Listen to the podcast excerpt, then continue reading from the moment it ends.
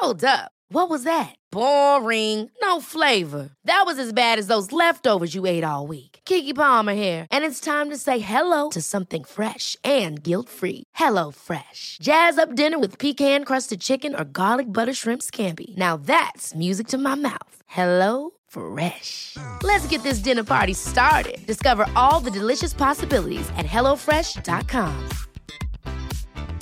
Hiring for your small business? If you're not looking for professionals on LinkedIn, you're looking in the wrong place. That's like looking for your car keys in a fish tank.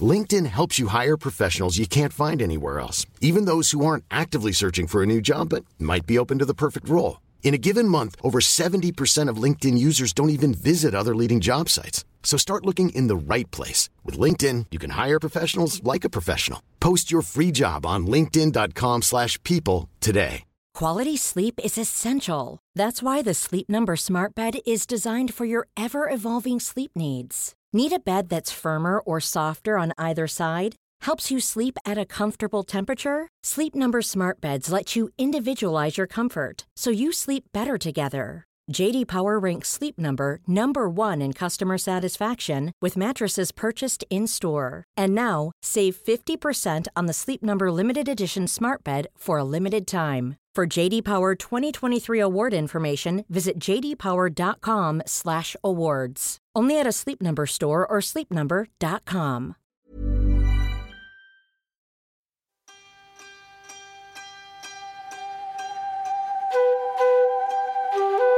Att om man vill ha eh, mer sex i relationen, då är det ett bra sätt att försöka liksom, ha en bra relation generellt. Välkomna till Psykologsnack, podden där vi pratar om psykologi, psykisk hälsa och psykiska besvär. Vi som har podden är legitimerade psykologer och jag heter Åsa och med mig idag har jag Ulrike. Sandra är ju inte med oss idag då hon är hemma föräldraledig med en helt ny liten människa. Mm. Så spännande och roligt. Mm. Kom ju lite oväntat. Ja. Mm. Så vi har ju tidigare avsnitt fokuserat på relationer. Och vi har märkt att det har lett till ett jättestort intresse och många frågor från er lyssnare. Så vi tänker att vi spinner vidare på den här tråden. Och eh, vi tänkte att i det här avsnittet så ska vi prata med Susanna Tagesdotter Hagstrand som är psykolog.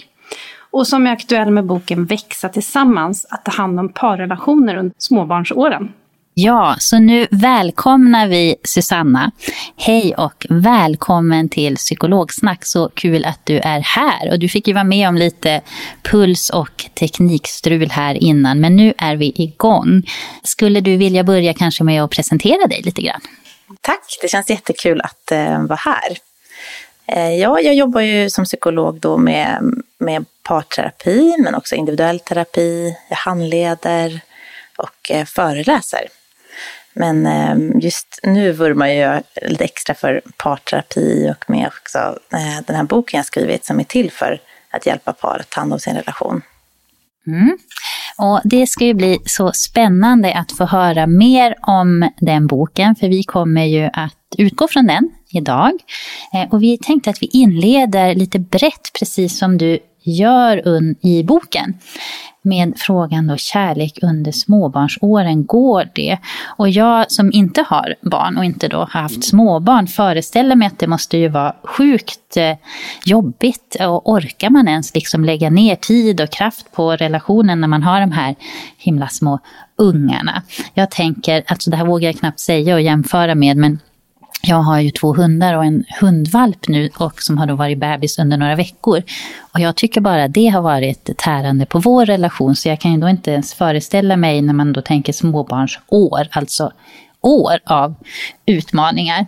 Ehm, men så varför är det just så jobbigt i de här, under de här åren och går det som sagt att tänka på kärlek då? Mm, vilken bra fråga.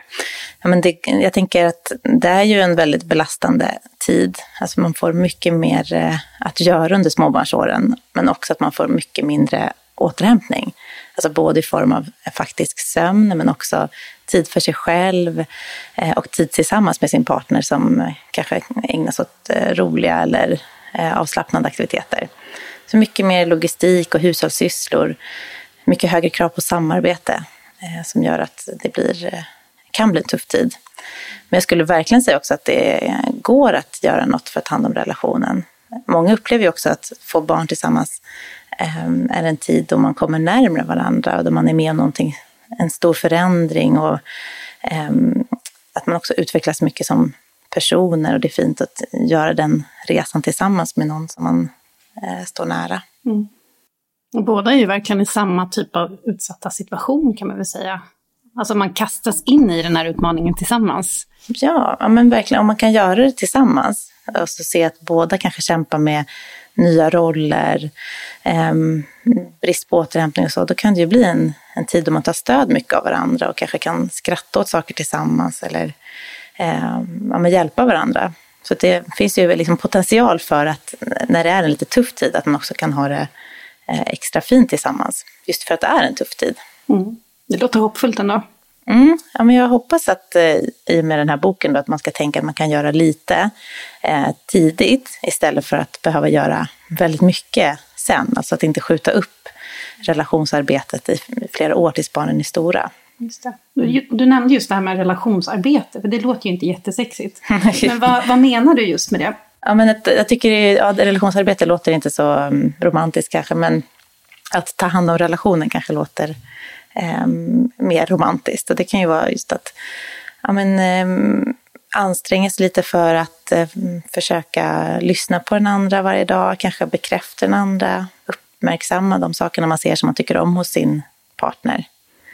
Eh, så det kan ju vara ett sätt att relationsarbeta. Men det kan ju också vara sådär lite mer tuffare relationsarbete som handlar om att eh, ha en konflikt på ett bra sätt, att kunna uttrycka sina behov på ett sätt som inte kränker den andra eller som inte blir anklagande. Eh, så det kan ju innebära väldigt mycket att relationsarbeta. Just det. Mm. Men jag kan tänka mig att en del då, alltså att man tänker då att det är relation, alltså det är fel på själva relationen om man måste eh, behöva arbeta för att få det att fungera. Att ja, man men, tänker att det, exakt, borde, det borde funka sig själv om det är rätt för en, om relationen är rätt för en.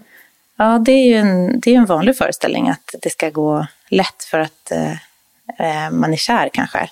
Så, men jag skulle säga att om man är i en längre relation så kommer det komma perioder då man behöver anstränga sig lite mer eller jobba på det.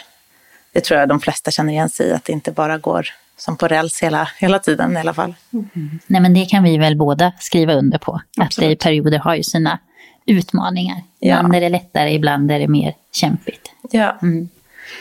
Eh, du skriver ju också i boken Eh, att många ser det som naturligt att ja, fokusera på att vara en bra förälder medan man tänker då att men nu får kärleksrelationen stå tillbaka. Tror du att det här alltid har varit så eller är det liksom ett nytt fenomen för den tid som vi lever i nu? Mm, du menar att man just tänker att kärleken ska stå tillbaka? Mm, och att det är väldigt mycket fokus då på att vara den här kanske braiga föräldern eller så. Ja, just det. Men jag kan tänka på två sätt. På ett sätt är det väl också så att nu för tiden har vi också en önskan att våra kärleksrelationer ska innehålla mm, mer kontakt och mer, mer kärlek och inte enbart vara ett liksom, samarbete. Så vi har ju också en annan syn på kärleksrelationer idag, att det ska vara mer än att Ehm, bara, inom situationstecken, vara, var föräldrar. Men absolut så har vi också väldigt höga krav på oss som föräldrar eh, idag, eller många har det i alla fall som gör att eh, det kanske inte går att både vara världens bästa förälder och vara världens bästa partner och vara världens bästa kollega, etc. Eh, etc. Just mm. Och sen kan jag tänka mig att det är väldigt många som har tillgång till kunskaper nu, alltså just om vad barn behöver. Vi känner till det här med anknytning, vi känner till, ja men vi är mycket mer pålästa, pålästa när det gäller psykologi överlag. Vilket våra föräldrar kanske inte var, eller generationerna innan. Nej, och jag, jag tänker också att ja, vi är mer pålästa om relationer också. Mm. Och eh, det finns mer tv-program och poddar om relationer. Eller det fanns ju inte ens poddar förut, men det, ja, absolut, det finns ju mycket mer kunskap om eh, hur man kan ta hand om både sina barn och eh, sin relation idag än tidigare. Ja, nej, men jag tänker på våra, jag vet inte hur era föräldrar var, men jag menar vi, de åkte iväg på grejer helt utan att blinka och man var hemma själv. Och det var inte så stor grej på den tiden och så var det för de flesta i min omgivning i alla fall, när jag är född på 80-talet. Mm. Så att jag, jag, det jag har snappat upp i min omgivning, i alla fall är ju att ja, man, man lägger inte ner så mycket tid på varandra som par. Att ta in en barnvakt känns jobbigt för många. Framförallt om det inte är någon i ens omedelbara närhet som kan ställa upp. Just det.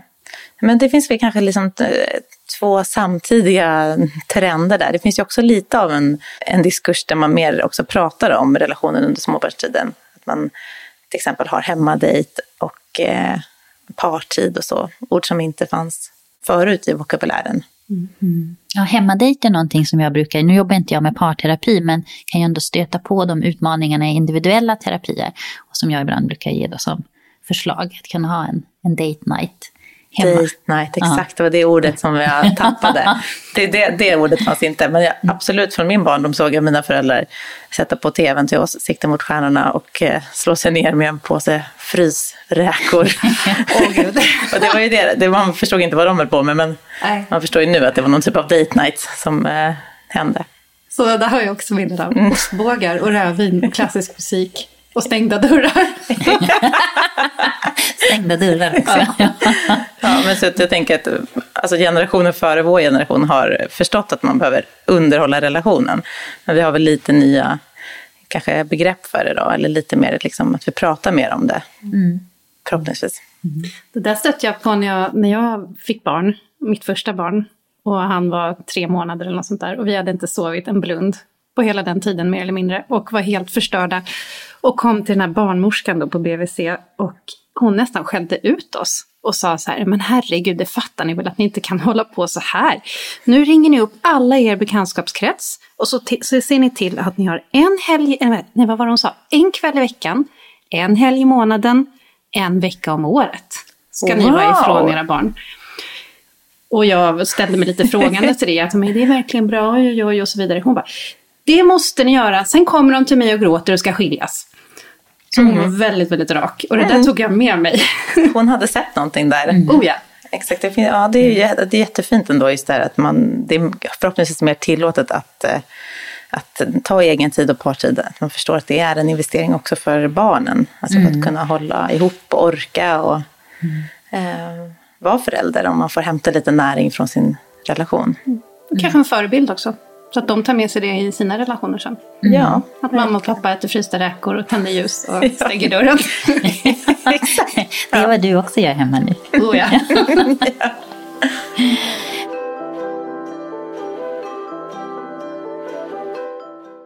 Men du, Susanna, i boken och jag gissar också i dina eh, parbehandlingar som du har utgår du från något som kallas för integrerad beteendeterapi för par. Kan du berätta lite vad det handlar om? Ja, det är en eh, parterapimetod som integrerar två olika synsätt. Och det ena synsättet är eh, förändring och det andra är acceptans. Och det man menar med det, det är att man jobbar då med att försöka hitta vilka beteenden som gör att man fastnar i relationen, som gör att man inte eh, kommer nära varandra. Och så, då tittar man på sina egna beteenden och jobbar med förändring av dem. Och sen har man också då en del som handlar om att förstå varandras olikheter och jobba mer med acceptans för ens olika behov, ens olika personlighetsdrag. Eh, acceptans för eh, kanske en situation i sig, att det är en belastande eller tuff situation.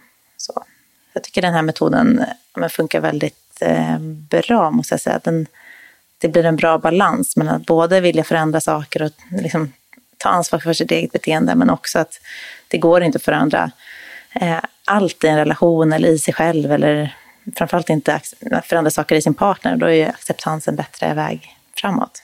Mm. Är det många som kommer eh, när man ska, och ska påbörja parterapi med liksom föreställningen att det är den andra som ska ändra på sig? För det känns ju så här lätt, det har, man, det har jag själv tänkt. Gud vad skönt det vore om, han bara, om bara han kunde ändra på sig, då skulle allt bli så bra. Ja, men det är den absolut vanligaste ingången, att man har en idé om att om bara den här personen gjorde så här istället så skulle det vara bättre. Ehm, och det är ofta en, ett resultat av en, en, vad man kallar för en polariseringsprocess, att man över tid börjar se att problemet ligger hos den andra. Att det är just olikheten som den andra har som är problemet.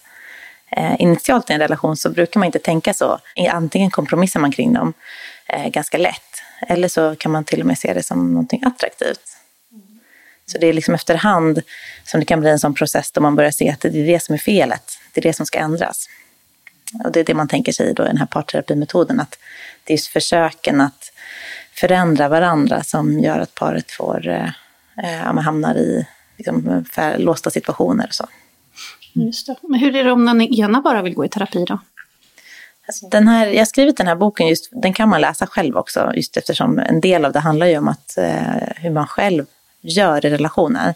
Och det kan ju få effekter på ens partner, att man själv ändrar hur man är i vardagen så påverkar det den andra.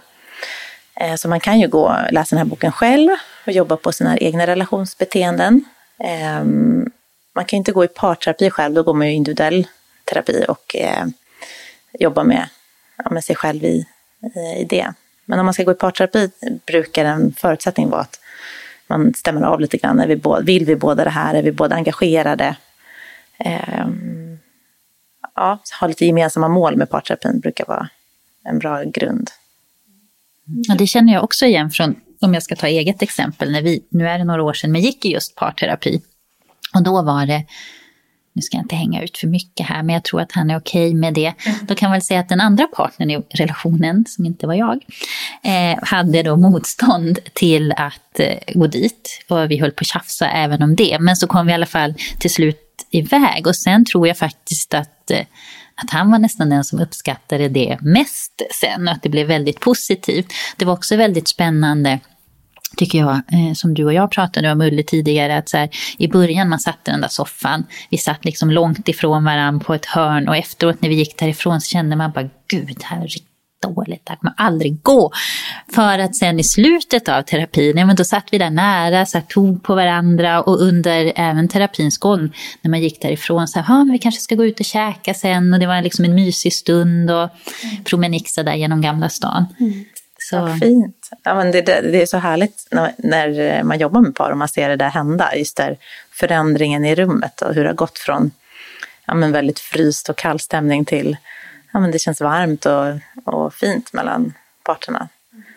Ja, vad glad jag blir att höra det. Fin erfarenhet.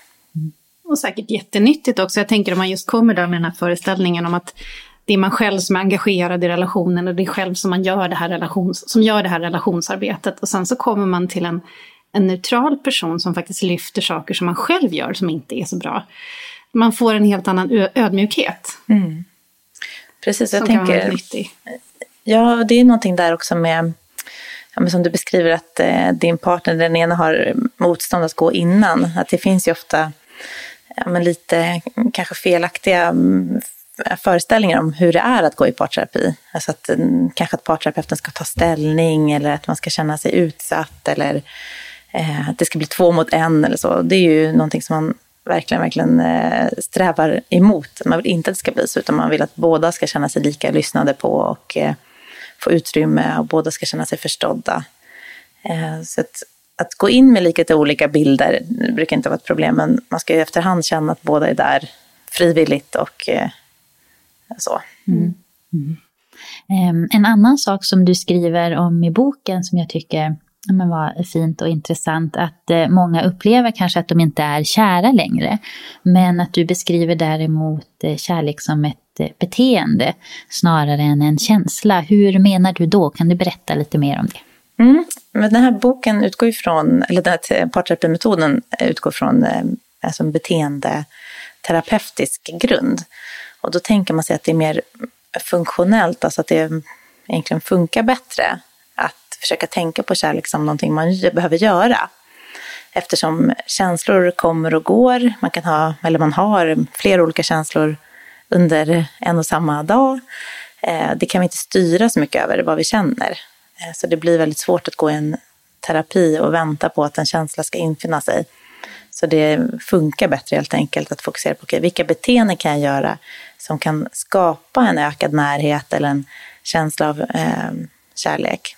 Så att jag tycker jag har en liknelse i boken att när man blir tillsammans eller när man börjar dejta så har ju många ofta gjort beteenden innan Eh, de blev kära. Typ att man kanske såg någon på en fest eller såg någon på Tinder och man klickade på den. Man var inte kär just då kanske. Men man gjorde en del beteenden för att närma sig den personen.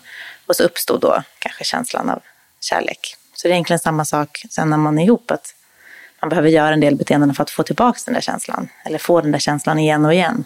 Mm. Så det är, det det som händer när förälskelsen försvinner, att man slutar göra sådana förälskelsebeteenden, mm. eller vad man ska säga? Exakt, det är en, eh, alltså en, ett sätt att beskriva det. Man slutar göra sådana närmande, liksom, positiva eh, beteenden för relationen och kanske dessutom öka på en del beteenden som skapar en ökad distans, som att kanske kritisera eller tystna eller eh, anklaga sådana saker som gör att eh, kärlekskänslorna kanske minskar också. Så det är både liksom att man minskar de positiva men man kanske också ökar de negativa beteendena.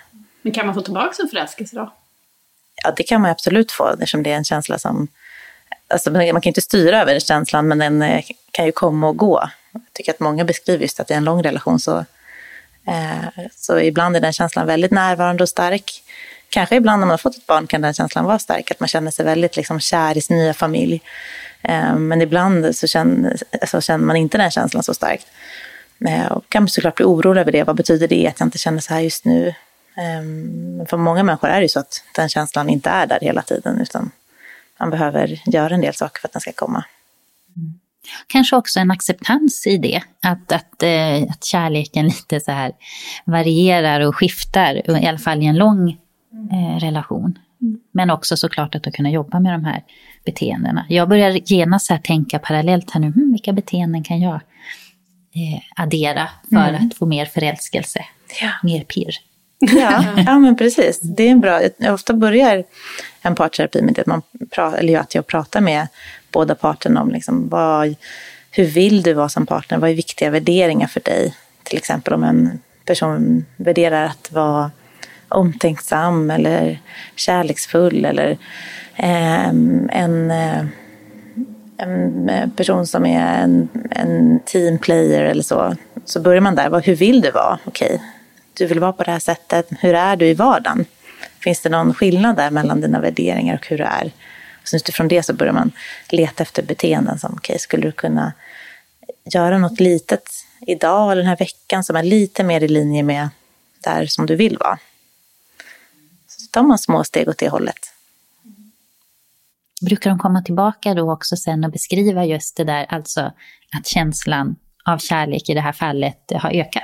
Mm, det tänker jag blir ju den där, från att sitta isär i soffan till att sitta nära, då har det ju ofta skett en hel massa beteenden som mm. gör att plötsligt så är man nära igen. Mm. Du, du, nämnde ju det där med polariseringsfällan tidigare. Kan du, vad var det nu igen? Ja, men det, eh, det, man brukar beskriva det som att olikheter som finns med initialt, att de över tid blir förstärks, alltså att de blir tydligare, men också mer låsta, att man blir sämre på att kompromissa.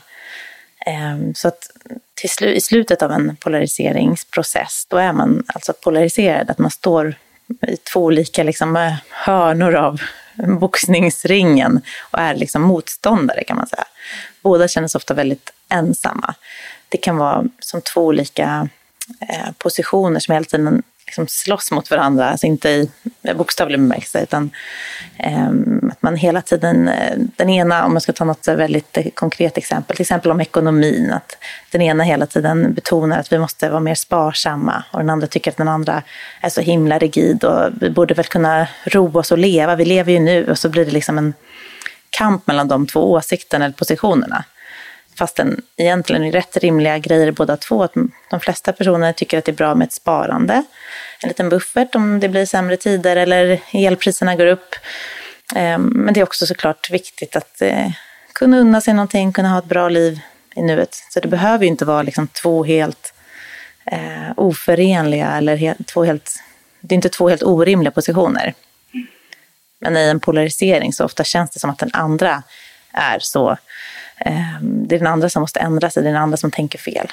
Man målar in varandra i hörn på något sätt. Exakt, mm. och det blir inte så kul heller att vara i det där hörnet. Det är inte kul att vara den här eh, spara-figuren, jättetråkig roll. Och inte heller kul att känna sig hela tiden anklagad för att man slösar eller eh, vara den personen. Det här tror jag ju många kan känna igen sig i. Vad är det som gör att vi hamnar där? Då är det liksom eh, vår barndom eller är det det här som också många pratar om? Tycker jag att, men det har vi pratat om, du och jag Ulli, både i jobbet och utanför jobbet, att många pratar kring så här anknytningsmönster, anknytningsteori, behöver man gå tillbaka och förstå det för att liksom kunna förändra sig eller hur tänker man där i terapin? Mm, I den här terapin så kallas eh, ens barndomserfarenheter eller tidigare erfarenheter för eh, ömma punkter.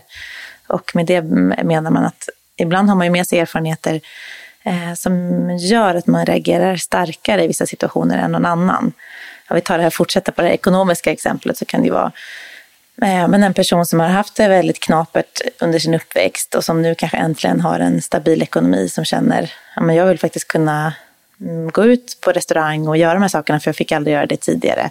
Då kan ju de här barndomserfarenheterna eh, ge en förståelse kring varför det är viktigt för den personen. Ehm, eller tvärtom, någon som har haft det väldigt knapert och känner, kan, kan å andra sidan då känna att det är så viktigt att spara för man vet aldrig eh, vad som kommer hända. Så att absolut så kan barndoms och tidigare erfarenheter påverka hur man reagerar, hur man gör i nuet. Så det brukar vara en del av terapin att liksom förstå varandras erfarenheter. Okej, okay, så det här är viktigt för dig för den här anledningen. Mm det brukar göra att man inte känns lika långt ifrån varandra, att man förstår.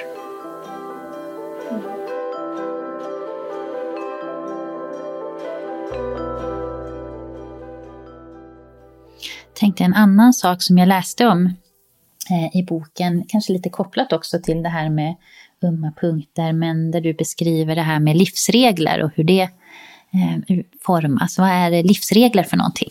Mm. Livsregler kan man ju beskriva som en liksom uppsättning av eh, oskrivna mm, regler eller föreställningar som man har om hur man ska leva eller hur jag ska vara som person.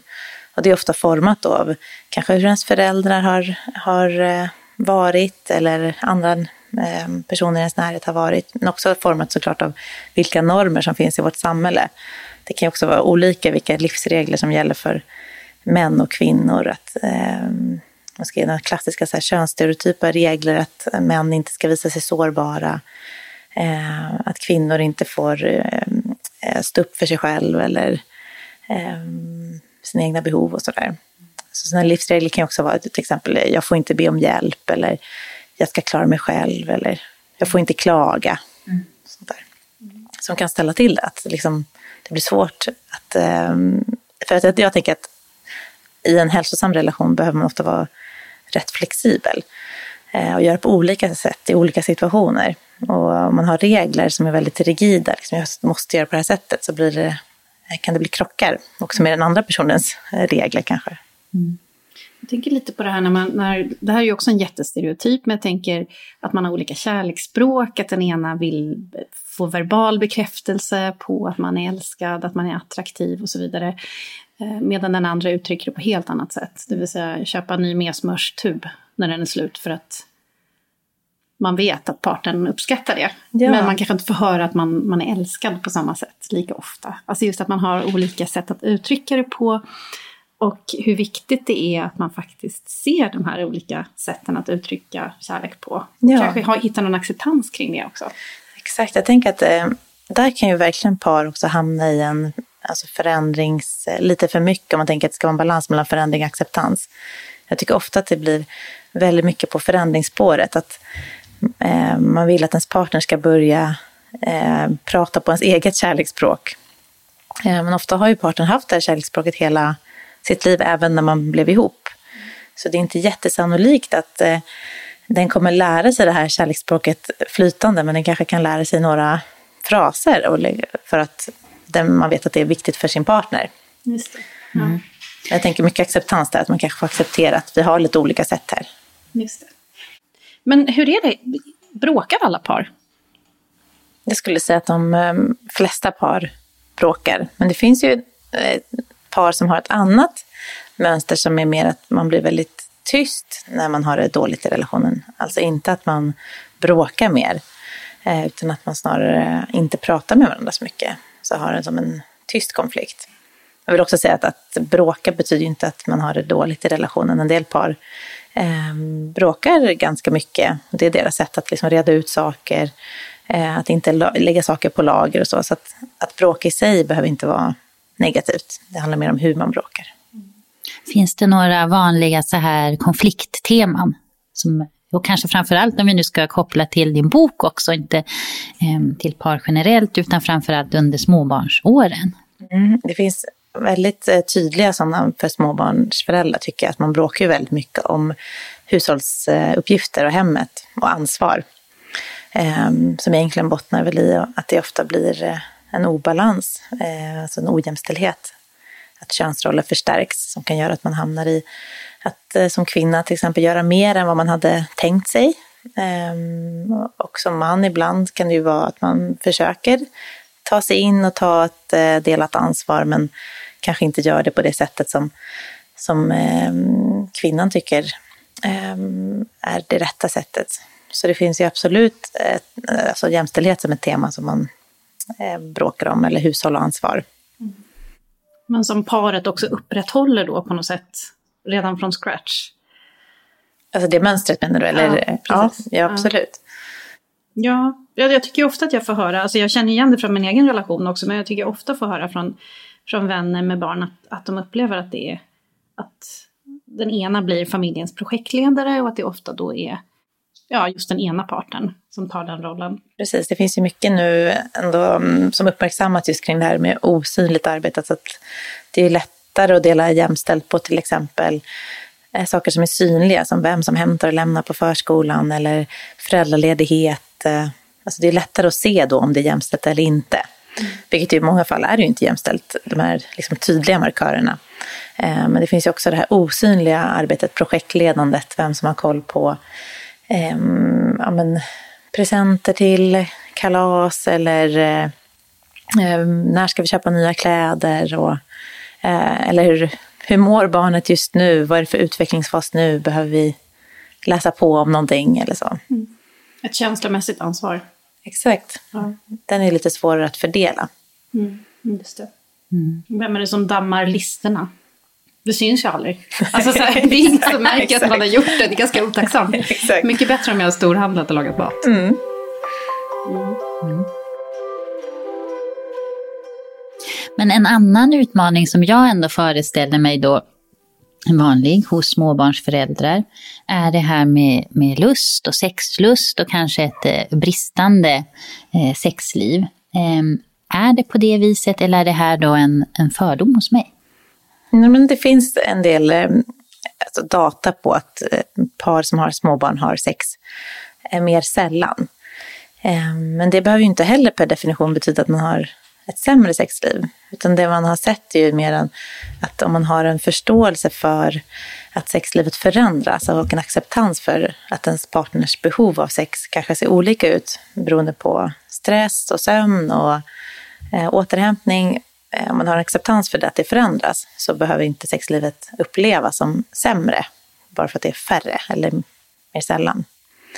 Ehm, men det finns ju också en, en del par som jag träffat som just eh, beskriver att de är så mycket med barnet, barnet eller barnen, att de har så mycket kontakt med barnen att de inte är så sugna på närhet sen. Alltså man har redan fyllt sitt liksom, fysiska kroppsbehov ehm, eh, och vill bara vara själv sen på kvällen när man kanske ska träffa sin partner. Mm.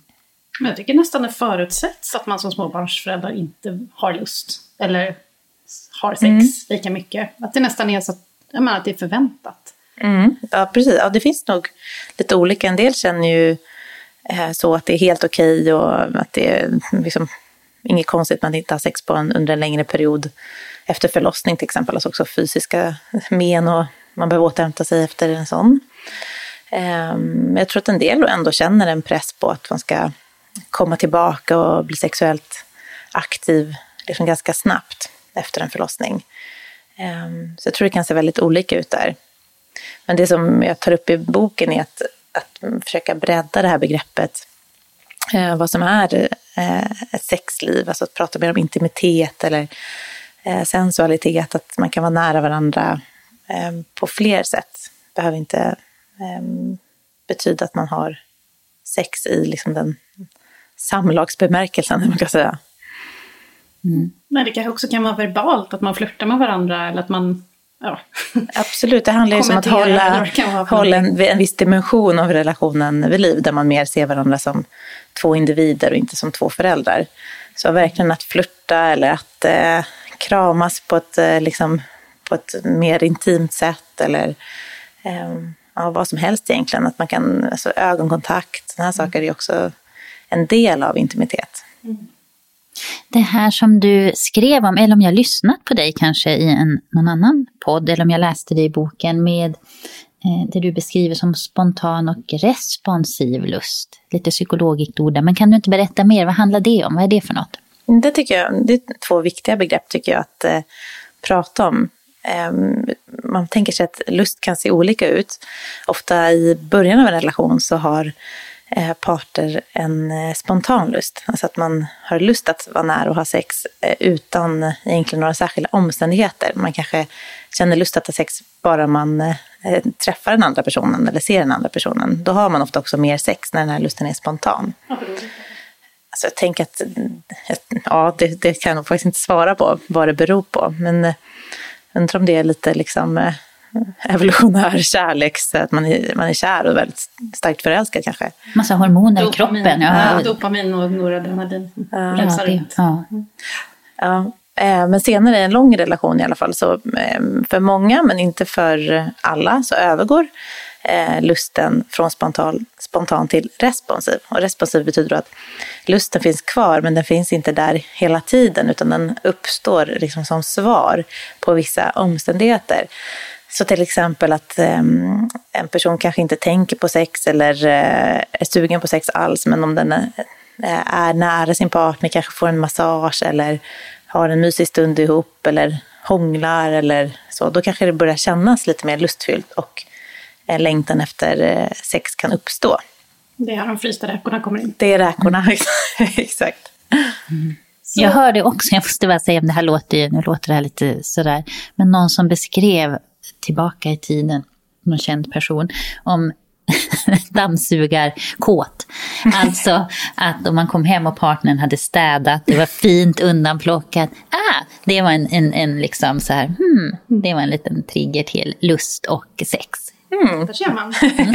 Ja men precis, men det är väl liksom då, att eh, lusten då är med den här responsiva fasen. Det måste vara vissa saker på plats för att, att eh, den ska uppstå helt enkelt. Om det är ett problem då, vad kan man som par göra åt det? som eh, om sex, bristande sexlust är ett problem. Alltså det kan ju bero på så himla mycket olika saker. Att om det känns, eh, om, om själva, alltså, ja, det är svårt att svara på för det beror så himla mycket på vad problemet är. Om det handlar om att någon av parterna ja, men, eh, känner sig pressad eller om sexet inte har känts bra, om det är sådana faktorer som gör så behöver man ju kanske prata om det och börja i en annan ände. Men handlar det kanske mer om för småbarnsföräldrar kan det vara brist på återhämtning eller ens brist på alltså att man eh, har, har tid för sex. Att man kanske går och lägger sig olika tider. Att det inte ens finns liksom, möjlighet att det ska kunna hända. Så det beror på lite vad det är för problem, vad för råd man ska ge. Mm. Ehm, Den ena somnar i det ena barnets rum. ja, men precis. Det, Det kanske, passar in med tretiden på natten och så är den andra trött. Och så. mm, det finns inte förutsättningar för det. Ehm, att om man vill ha ehm, mer sex i relationen, då är det ett bra sätt att försöka liksom, ha en bra relation generellt. Alltså att visa uppskattning, um, vara nära emotionellt. Att, då finns det i alla fall en grund för att också det ska kunna finnas sex. Man har bäddat för. Mm. Förlåt, det blev bara så. Det är bra. Då är det ju börjar bli dags att runda av det här superintressanta avsnittet. Men innan vi gör det tänkte vi be dig Susanna om det finns några tips som du vill skicka med till våra lyssnare och eventuellt också då kämpande småbarnsföräldrar som är där ute. Ja, jag skulle nog vilja skicka med att eh, ja, men det är en tuff tid. Ni är inte ensamma om att känna att relationen är på ett annat sätt just nu. Men att ändå det kanske går att göra små saker som ändå gör att relationen blir en, en eh, varm plats att hämta lite energi från. Det kan vara bra att börja med att bara fokusera på hur vill jag själv vara gentemot min partner och göra något i den eh, riktningen. Så kan man komma långt varm plats att hämta energi från. Det låter jättehärligt. Mm, jag tänker det. Det är väl liksom målbilden att småbarnsföräldrar behöver det för att orka också vara föräldrar. Och så. Ja, men, eh, stort tack för att du eh, ville vara med oss idag. Och du kommer ju faktiskt också att gästa oss även under nästa avsnitt och vi kommer att snacka lite mer om bland annat då acceptans, kommunikation, lyssnande och faktiskt också lite gammalt hederligt hångel. Det blir spännande. Verkligen. Tack att jag fick komma. Och vi ska också säga att vi från och med nu har börjat med något som vi kallar frågelådan. Det vill säga att ni kan skicka in frågor till oss via Instagram och vi väljer då ut en fråga och försöker göra vårt allra bästa för att svara på den. Så har du en fråga rörande relationer under småbarnsåren eller något annat som rör psykologi, hör av dig.